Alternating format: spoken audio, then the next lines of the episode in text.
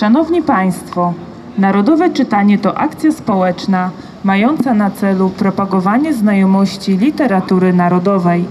W tym roku we wszystkich zakątkach naszego kraju, również w pięknym Żmigrodzie, będziemy czytać najbardziej znaną powieść Elizy Orzeszkowej Nad Niemnem. Radio DTR Trzebnica i już. Powieść nad Niemnem powstawała w latach 1886-1887, a w formie książki ukazała się w 1888 roku. Ze względu na barwne opisy, wyrazistych bohaterów i odwołania historyczne, dzieło porównywano do Mickiewiczowskiego Pana Tadeusza. Żadna inna książka pisarki nie została tak entuzjastycznie przyjęta przez recenzentów. Chwalono między innymi sprawne połączenie dyktatyzmu z walorami artystycznymi i przemyślaną kompozycję całości. Nad Niemnem cieszyło się popularnością i uznaniem kolejnych pokoleń czytelników. W II Rzeczpospolitej powieścią zainteresowało się kino. Ekranizację książki ukończono w 1939 roku, ale obraz zaginął w czasie II wojny światowej. Kolejny film nakręcono w połowie lat 80. XX wieku. Nad Niemnem to jeden z najważniejszych utworów literatury polskiej, podejmujący tematykę powstania styczniowego, którego 160-lecie obchodzone jest w 2023 roku. Szanowni Państwo, teraz proszę o zabranie głosu gospodarza gminy, burmistrza Roberta Lewandowskiego oraz gospodynię powiatu, starostę powiatu trzebnickiego, panią Małgorzatę Matusiak. Szanowni Państwo, e, drodzy mieszkańcy, ja przede wszystkim cieszę się patrząc tutaj na e, publiczność zgromadzoną, jak i na e, osoby, które będą czynnie uczestniczyły w czytaniu, że jest nas tak wiele, bo piątkowy, piękny poranek, jeszcze takie można powiedzieć babie lato, sympatyczna pogoda, no i przede wszystkim centrum miasta okazuje się kolejny raz, że rynek jest najlepszym miejscem do organizowania tego typu wydarzeń. Natomiast co do y, samego wydarzenia, czyli akcji Narodowego Czytania, to tak jak pani Edyta we wstępie mówiła y, i podawała też informacje dotyczące i samej książki i ekranizacji, to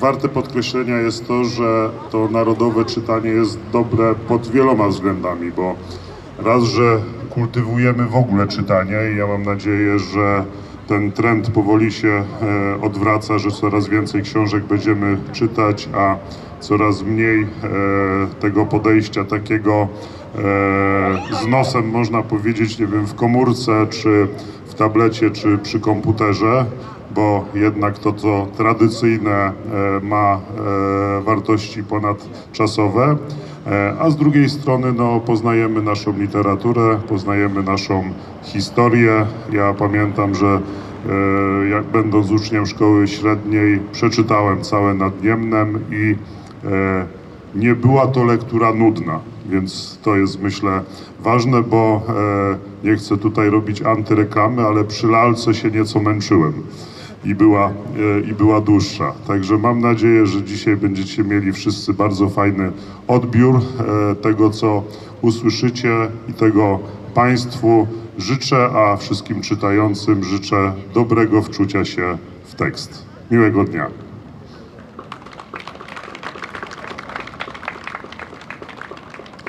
Panie burmistrzu, y, jest Pan pierwszym, który rozpoczyna akcję popularyzacji czytania narodowego w powiecie trzebnickim i z tego miejsca Robercie gratuluję.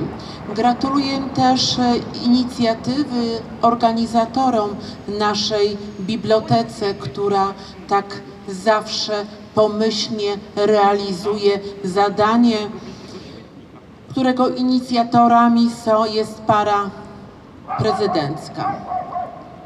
Zatrzymajmy się na chwilę, a właśnie to zrobiliśmy.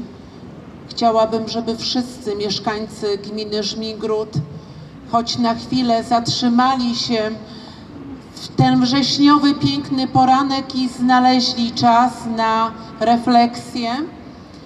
E, Życzyłabym sobie, żeby to nie była akcja. Czytajmy jak najwięcej.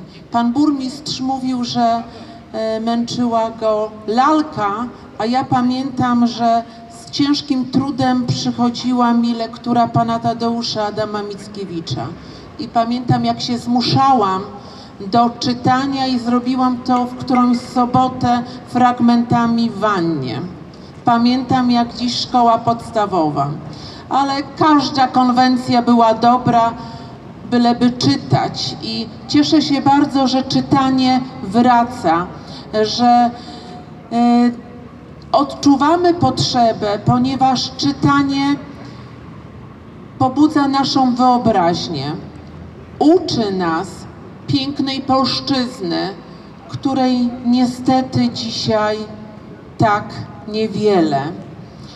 Uczy nas y, o historii, historii naszego narodu. Pobudza naszą wyobraźnię i wtedy dostrzegamy walory Polski, te przyrodnicze, historyczne, Polski XIX wieku. Taka właśnie była Eliza Orzeszkowa. Była sama w sobie piękna i tak jak się wczytamy w lekturę nad Niemnem, to dostrzegamy, jaka piękna była nasza ojczyzna. Kochani, dziękuję Wam pięknie, że mogę być dzisiaj z Wami i nisko się wszystkim kłaniam tym, którzy znaleźli dzisiaj swój cenny czas, żeby choć na chwilę zatrzymać się, spocząć i posłuchać, czy nawet odczytać fragmenty lektury nad Niemnem. Dziękuję pięknie. Dziękujemy bardzo. Ja e, też bardzo dziękuję oczywiście wszystkim pracownikom Biblioteki e, Miejskiej i e, pracownikom Zespołu Placówek Kultury, że kolej, kolejny raz organizują to narodowe czytanie u nas w Żmigrodzie, tak jak pani starosta powiedziała, pierwsze w powiecie, więc zakładam, że w innych gminach też w najbliższym czasie, czyli e, w tych dniach akcji e, podobne wydarzenia się odbędą. Jeszcze raz życzę miłego odbioru. Dziękujemy serdecznie. Szanowni Państwo, nasze tegoroczne narodowe czytanie rozpocznie muzyczna atrakcja, występ zespołu ludowego Humorek.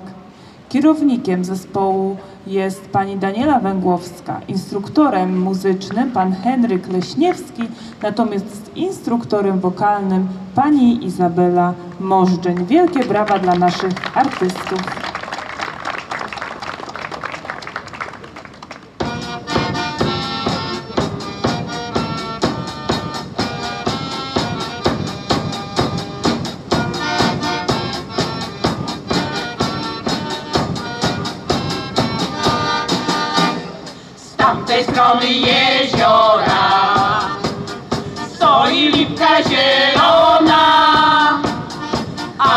Na tej lipie, na tej zieloniutkiej trzej ptaszkowie śpiewają.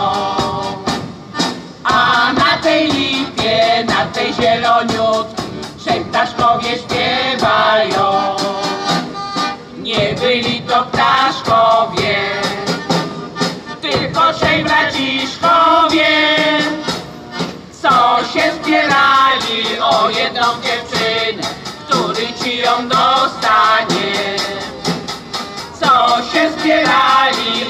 O jedną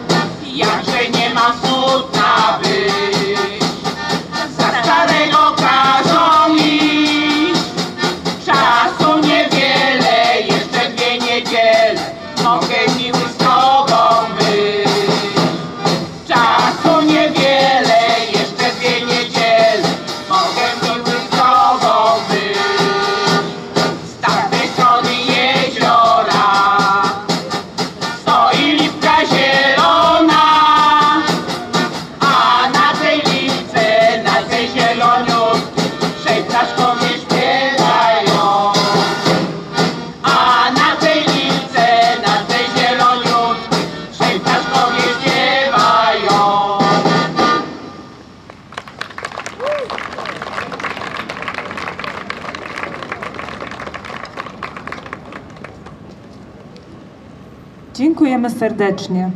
Narodowe czytanie pora zacząć. Do odczytania pierwszego fragmentu zapraszam panią Małgorzatę Matusiak, starostą powiatu trzebnickiego. Dzień był letni i świąteczny. Wszystko na świecie jaśniało, kwitło, pachniało, śpiewało. Ciepło i radość lały się z błękitnego nieba i złotego słońca. Radość i upojenie tryskały z nad pól porosłych zielonym zbożem. Radość i złota swoboda śpiewały chórem ptaków i owadów nad równiną w gorącym powietrzu nad niewielkimi wzgórzami, okrywających je bukietach iglastych i liściastych drzew. Z jednej strony widnokrągu wznosiły się niewielkie wzgórza z ciemniejącymi na nich borkami i gajami. Z drugiej wysoki brzeg Niemna, piaszczystą ścianą wyrastający z zieloności ziemi, a koroną ciemnego boru odrzędnięty od błękitnego nieba. Ogromnym półko, półkolem obejmował równinę rozległą i gładką, z której gdzieniegdzie tylko wyrastały dzikie, pękate grusze, stare, krzywe wierzby i samotne, słupniałe topole. Dnia tego w słońcu ta piaszczysta ściana miała pozór półbręczy złotej, przepasanej jak purpurową wstęgą tkwią, tkwiącą w niej warstwą czerwonego marglu. Na świetnym tym tle, zmieszanych z dala zarysach, rozpoznać można było dwór obszerny. W niewielkiej od niego odległości na jednej z nimi linii rozciągnięty szereg kilkudziesięciu dworków małych. Równinem przeżynały drogi białe i trochę zieleniejące od rzadka porastające je trawy. Ku nim, niby strumienie, ku rzekom, przebiegały spólniece, całe błękitne obałwładków róże od kamioły, różowe od dzięcieliny i smułek. Z obu stron każdej drogi szerokim pasem bielały bujne rumianki i wyższe od nich kwiaty marchewnika stały się w trawach fioletowe. Żółtymi gwiazdkami świeciły brodawniki i kurze ślepoty. Liliowe skabiozy polne wylewały ze siwych, stulnionych koron miodowe wonie. Żyto i pszenica miały kłosy jeszcze zielone, lecz już osypane rżącymi nóżkami, których obfitość wróżyła urodzaj. Znacznie od nich rumianym kwiatem, gęsto usiane, stały się na szerokich przestrzeniach liściaste puchy kończyny. Puchem też, zda się, ale drobniejszym, delikatniejszym, z zielonością tak łagodną. Porze, kiedy ten ruch znacznie już stawał się mniejszy, na równinie z dala tu i ówdzie jeszcze ciągnący gromad ukazały się dwie kobiety. Szły one z tej samej strony, z której wracali inni, ale zboczyły znak z prostej drogi i chwilę jakoś przybyły w jednym z rosnących na wzgórzach borków. Było to z przyczyną ich spóźnienia. Tym więcej, że jedna z nich niosła ogromną więź leśnych roślin, które tylko co i dość długo zapewne zrywała. Druga kobieta zamiast kwiatów trzymała w ręku niepospolitej wielkości chustkę, która za każdym jej szerokim i zamszystym krokiem, kołysząc się wraz z długim ramieniem, powiewała jak sporej wielkości chorągiew.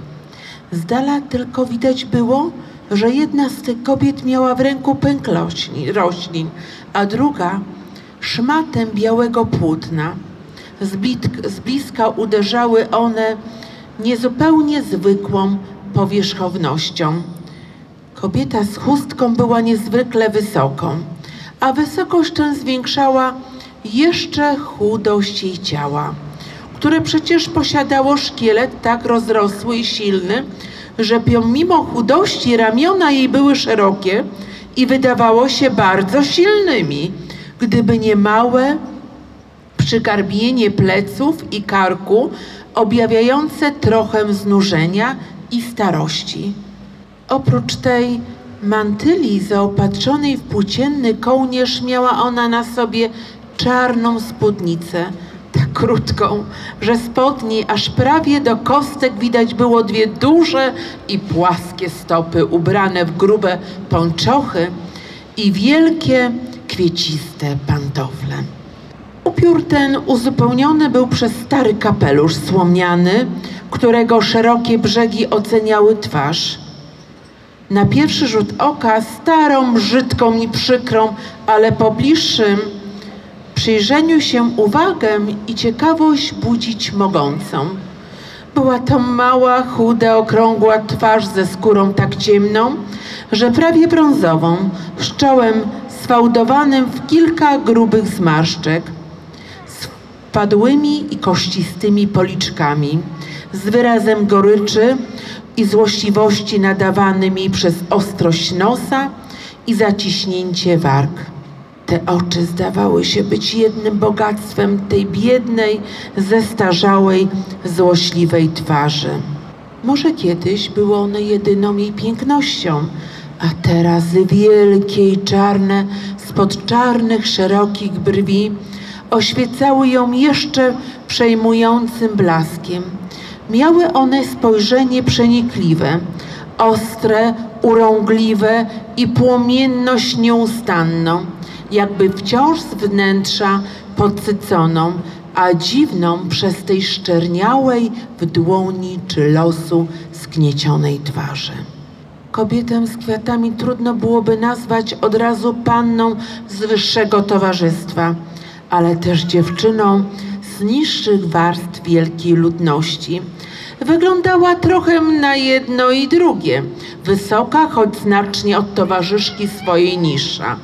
Ubraną była w czarną, wełnianą suknię, bardzo skromną, która jednak wybornie, uwydatniając jej kształtą i silną, w ramionach szeroką, a w pasie cienką kibić zdradzała znajomość żurnalu mód i rękę białego krawstwa. Głowę owiniętą czarnym jak heban, warkoczem i twarz śniadą, z purpurowymi usty i owiniętą czarnym, wielkim, szarymi oczami śmiało wystawiała na upalne gorąco słońca. Płócienny, tani parasolik opierała o ramię, a ręce jej dość duże i opalone zdradzały nader rzadkie używanie rękawiczek.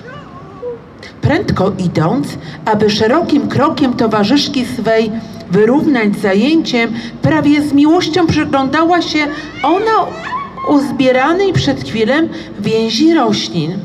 Były tam bujne liliowe dzwonki leśne, gwoździki pachnące smułki, liście młodych paproci, młodziutkimi szyszkami okryte gałązki sosiny.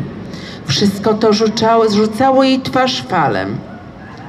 Śmiała ze słów towarzyszki swej, która idąc wciąż brędką i wielkimi stopy swymi z wysoka i mocno o ziemię uderzając grubym, nieco ochrypłym, przez brak oddechu często przerywanym głosem, ciągnęła w borku jeszcze rozpoczęte opowiadanie. Ot! Tu powiadam ci w tym samym miejscu pomiędzy tymi wzgórkami. Te głupie chłopy wzięły mnie za cholerę.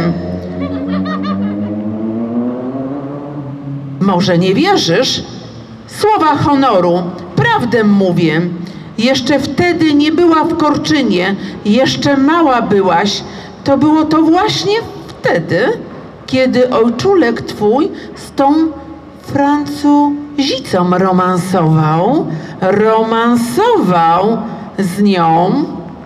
Dziękujemy serdecznie, proszę brawa.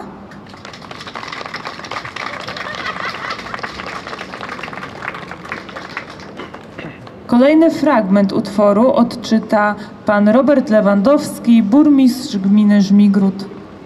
Urwała nagle, stanęła, krząknęła tak głośno, że aż rozległo się po polu. Chustką trzymaną w ręku i jeszcze głośniej nos utarła i gniewnie do siebie zamruczała. Wieczna głupota moja. Młoda panna, której na chwilę twarz znieruchomiała, uśmiechnęła się znowu. Co tam? Niech ciocia e, na to nie zważa. Ja wiem dobrze o wszystkim i z przeszłością oswoiłam się zupełnie.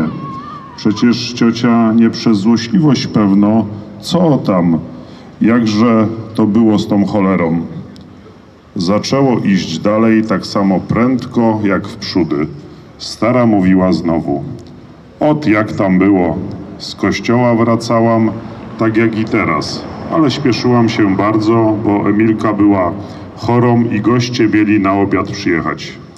Więc leciałam co tchu wprost przez pole, które wtedy ugorem stało przez puste zagony. Co dam krok, to półtora zagona przez, przez, przesadzę. Wprost jakby nad ziemią leciała. A miałam na siebie zi- zieloną sukię, suknię. Jeszcze wtedy kolorowe suknie nosiłam. Kapelusz taki od słomkowy zdjęłam i dla ochłody machałam nim sobie przed twarzą. Uf, nie mogę. Zdyszała się, stanęła znowu i zaczęła kaszleć.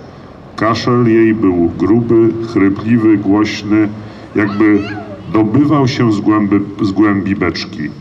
Mało jednak zwracała nań uwagi i zaraz idąc znowu opowiadała dalej.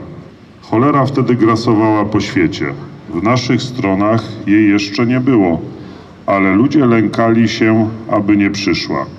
Otóż kiedy mię chłopi wracający z kościoła zobaczyli tak lecącą polem, jak narobioną, jak e, narobią krzyku, płaczu, jedni zaczęli uciekać i biec tak prędko, jak ich diabeł gonił, drudzy popadali pośród dróg na kolana i nóż żegnać się, czołami bić o ziemię, pacierze głośno mówić.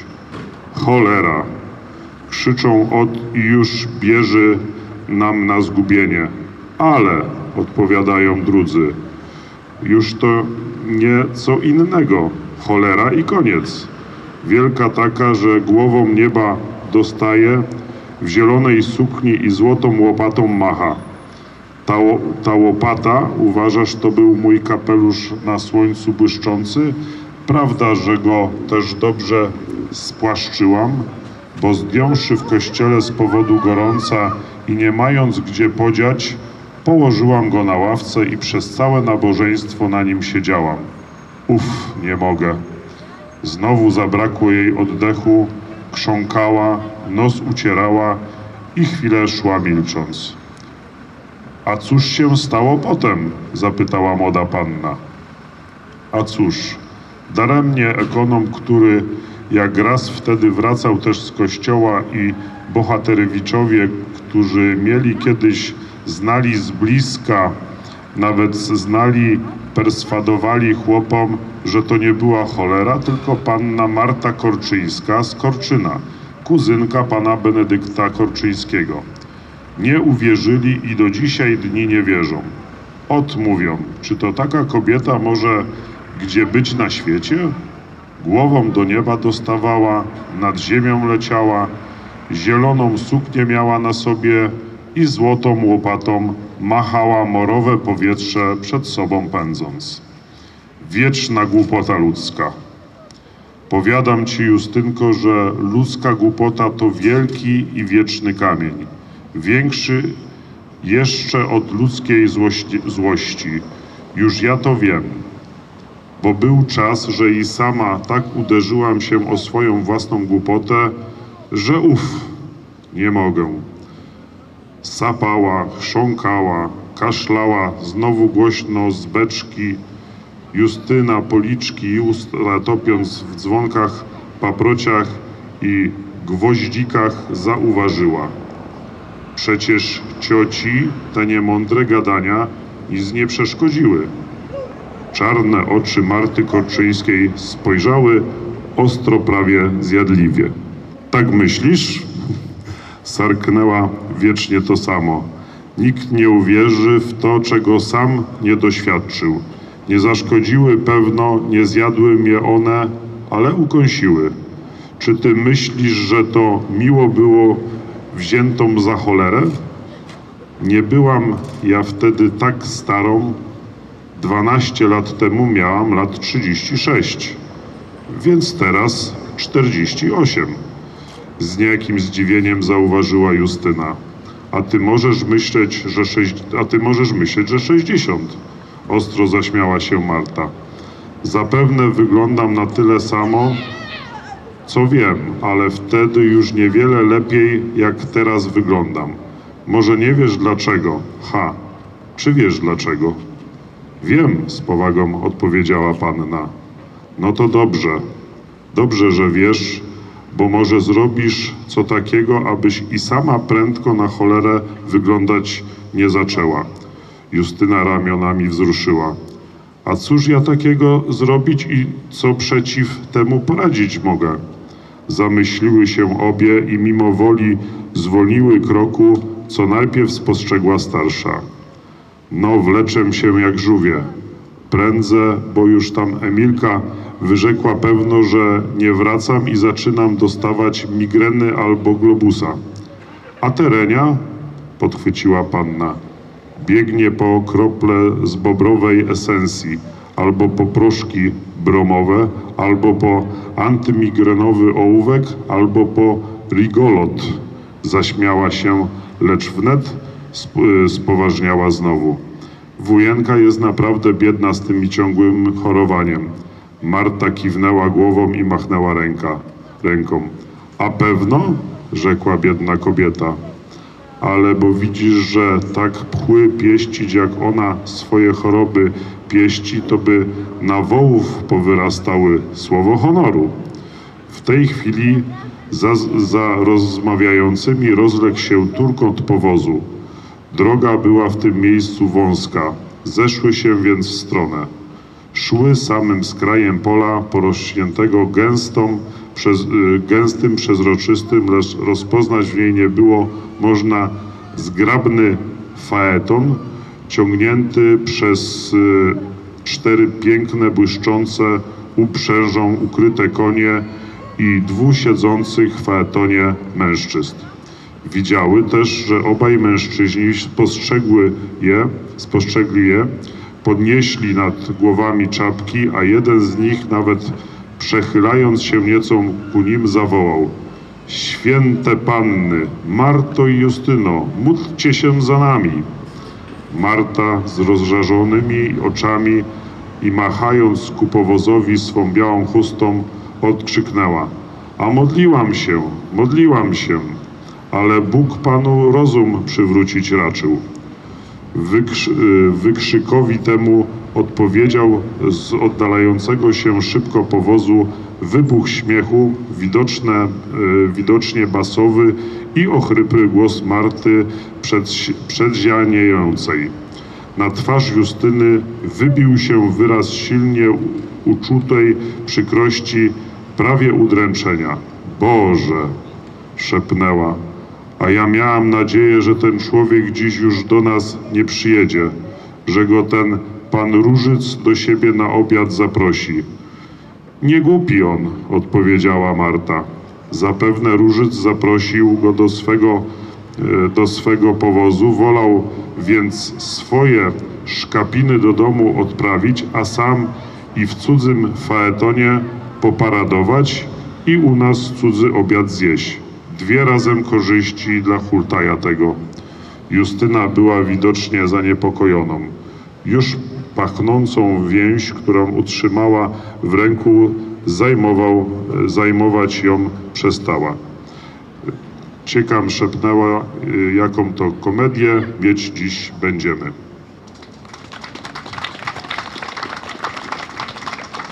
Serdecznie dziękujemy panu burmistrzowi.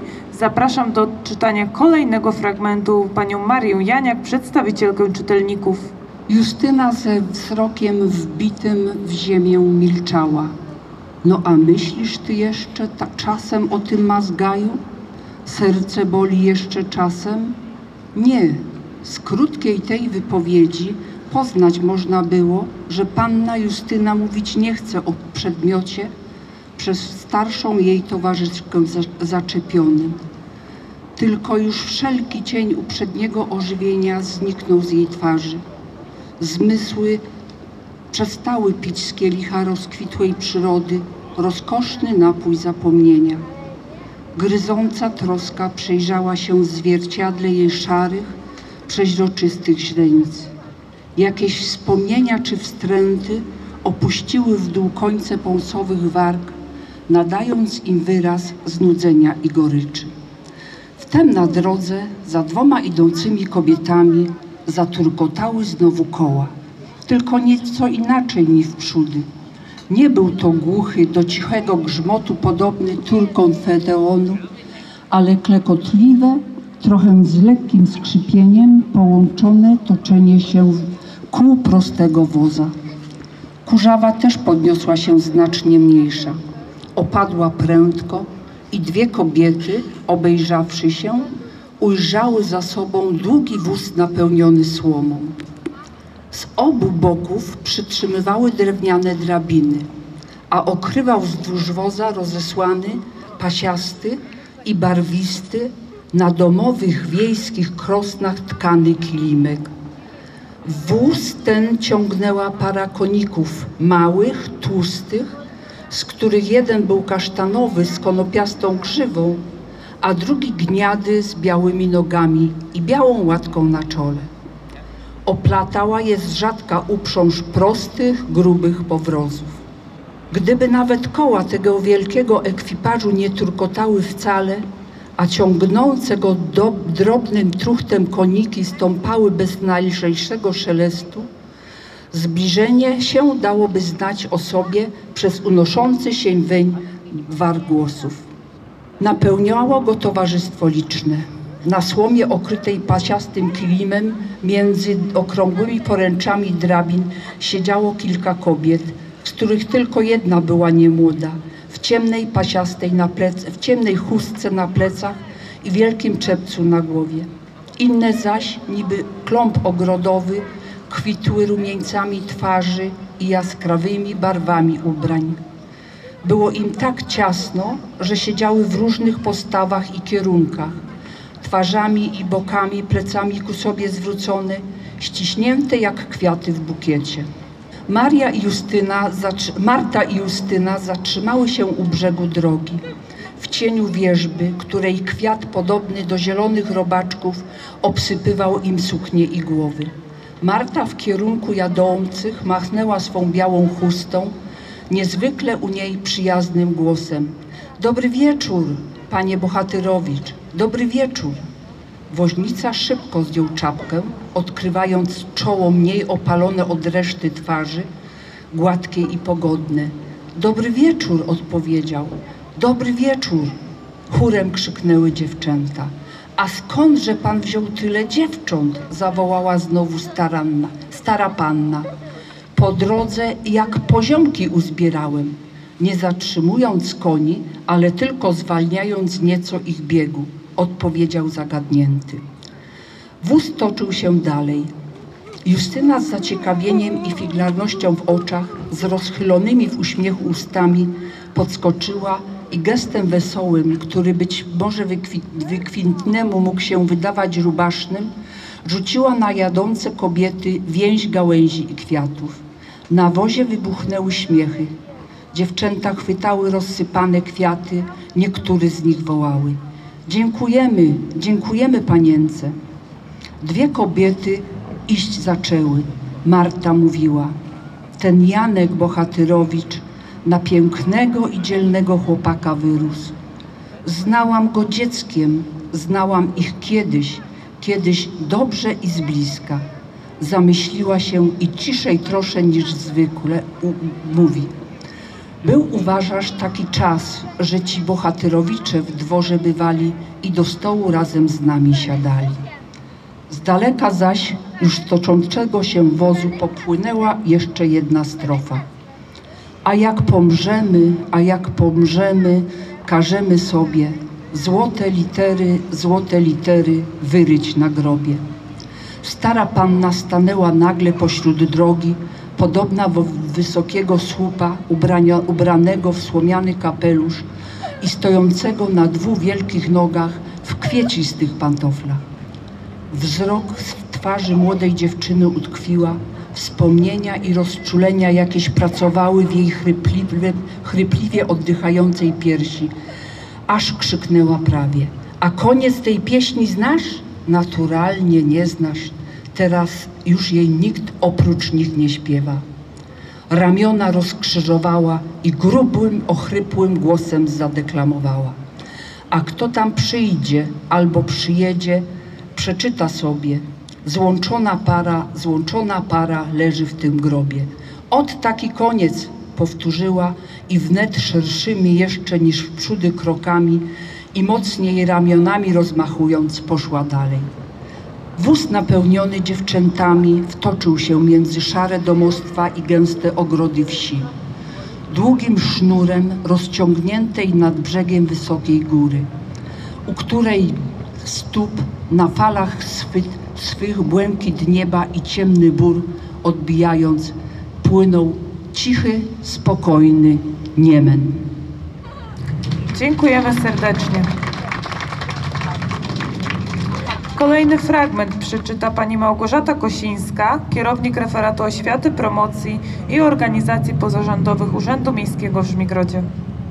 Korczyńskim dworze na rozległym trawniku dziedzińca rosły wysokie i grube jawory otoczone niższą od nich gęstwiną koralowych bzów, akacji, buldenerzów i jeszcze niższą jaśminów, spirei i krzaczastych róż.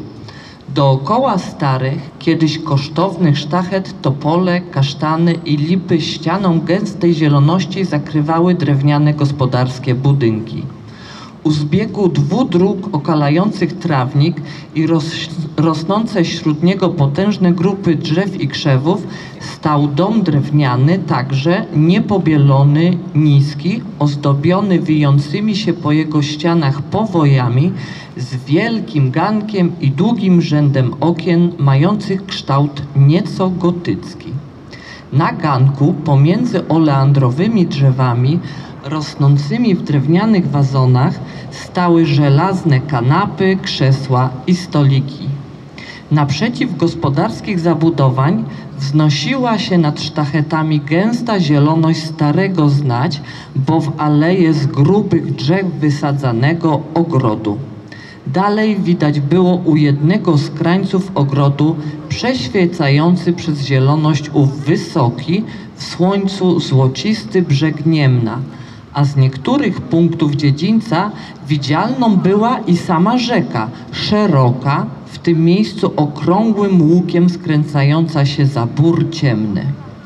Nie był to dwór wielkopański, ale jeden z tych starych, szlacheckich dworów, w których niech, niegdyś mieściły się znaczne dostatki i wrzało życie ludne, szerokie, wesołe.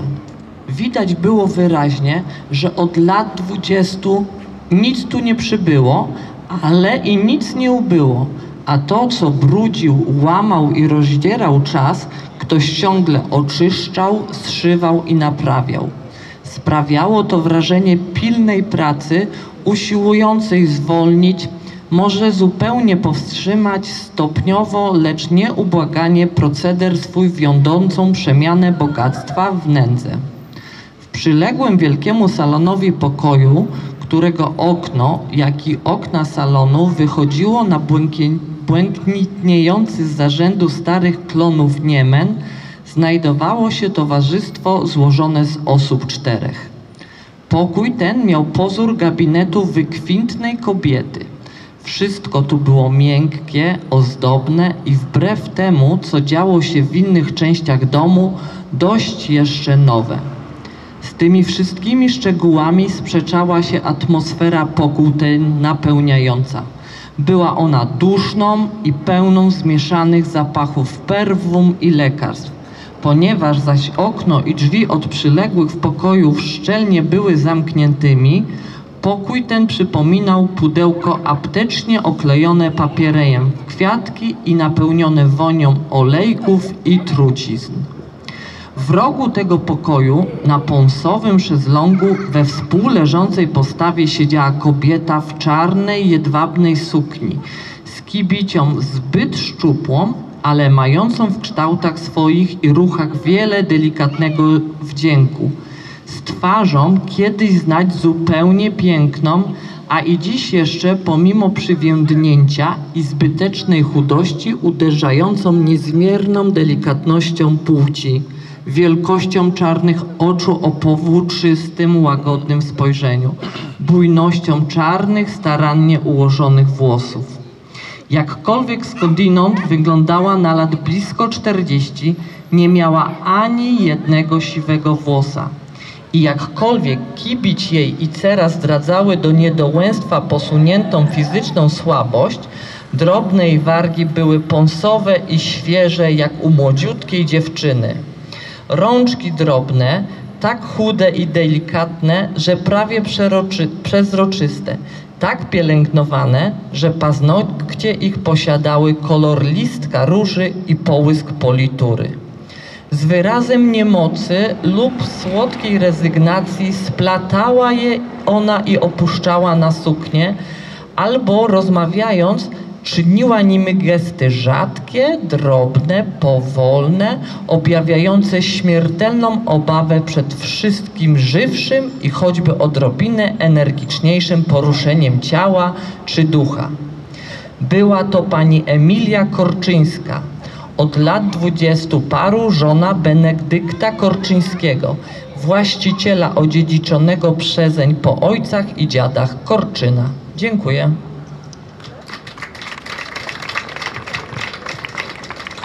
Dziękujemy serdecznie. Następny fragment zaprezentuje pani Małgorzata Hołówka, prezes spółki Miejski Zakład Gospodarki Komunalnej w Żmigrodzie. Doprawdy, z uśmiechem pełnym rozkoszy powtórzyła druga kobieta. Pan nas zawsze tak mistyfikuje. Doprawdy, jak to można tak mistyfikować? Ależ wcale nie. Przysięgam panią, jak Boga mego kocham, wcale nie mistyfikuję. Z komicznymi gestami tłumaczył się Kirło. Nie była to wcale żadna wiejska dziewczyna, ale panna, co się nazywa panna. Z pięknej familii, z pięknego domu, z piękną edukacją. Panna z pięknej familii i z edukacją. Z wielkim już ożywieniem wołała pani domu. Pieszo idąca bez kapelusza to być nie może. To być nie może. Pan zawsze żartuje, zawtórzyła druga kobieta. No a jak powiem jej imię i nazwisko, to co będzie? Z przekorną filuterią pytał gość. Nie wierzę, twierdziła pani Emilia. To być nie może. Jakże to być może? Wstydliwie chichotał drugi głosik kobiecy. A jak powiem, przekomarzał się Kirło, co mi za to będzie? Bez nagrody nie powiem. Co mnie panie dadzą za to? Ha! Chyba panna Teresa pozwoli się pocałować, co? No, panno Tereso, tak czy nie?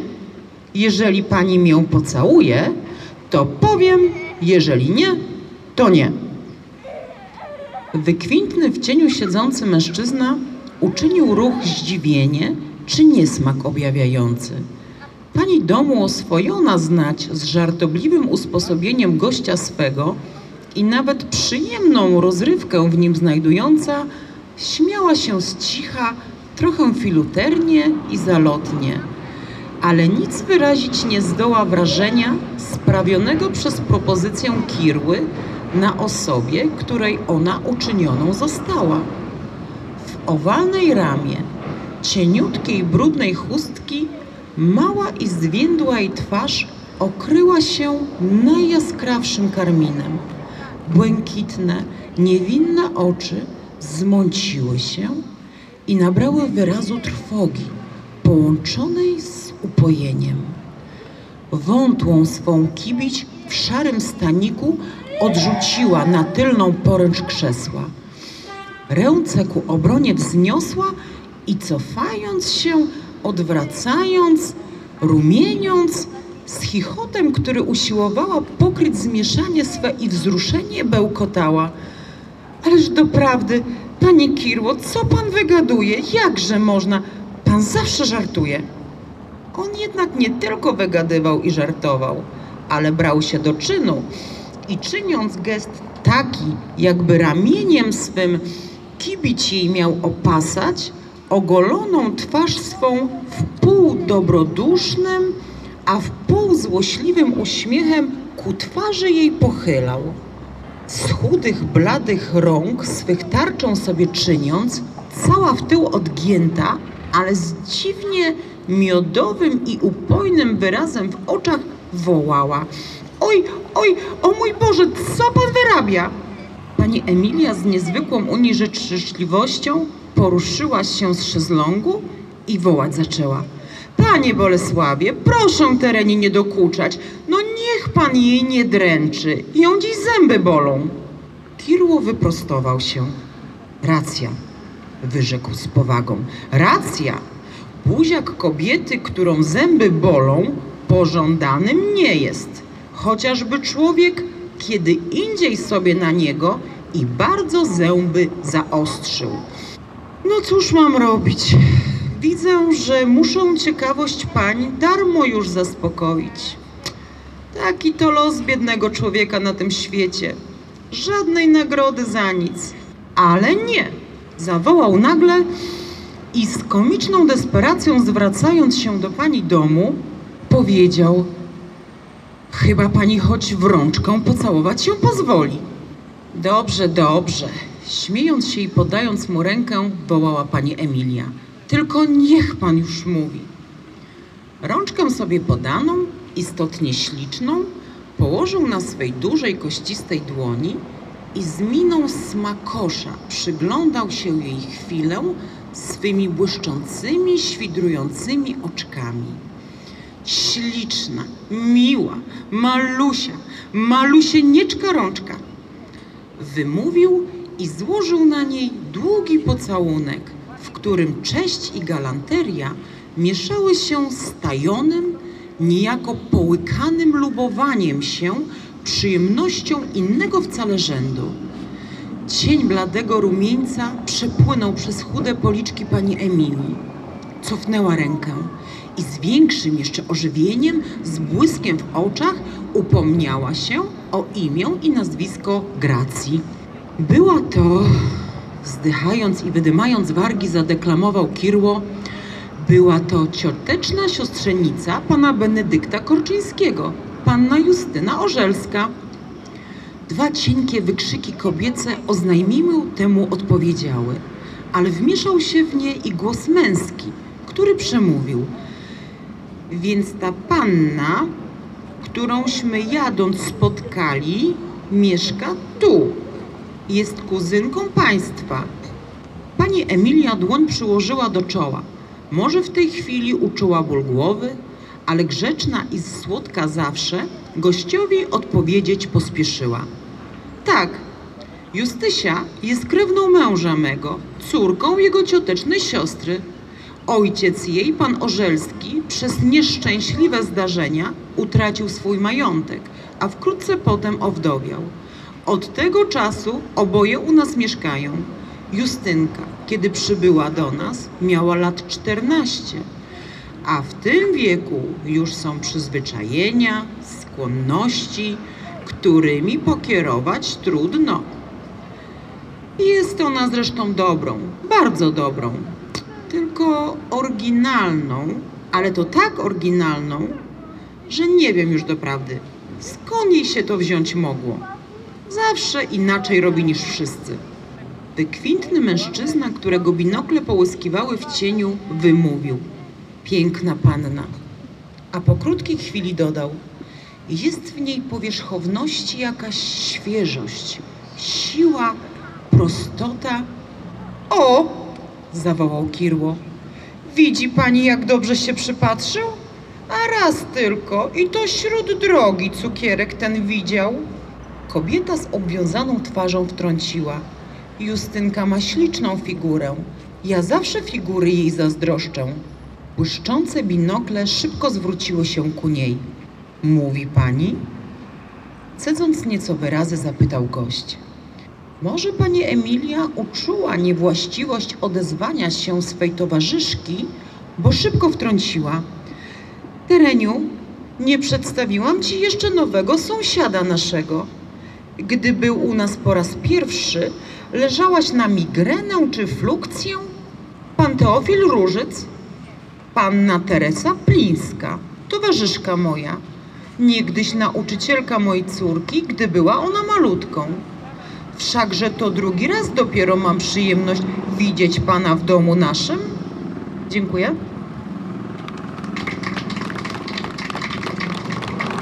Dziękujemy serdecznie. Szanowni Państwo, pora na muzyczną przerwę. Przed Wami wystąpi ponownie zespół ludowy Humorek. Zespół wykona utwór, którego tekst pochodzi z powieści Nad Niemnem. Wielkie brawa dla naszych artystów.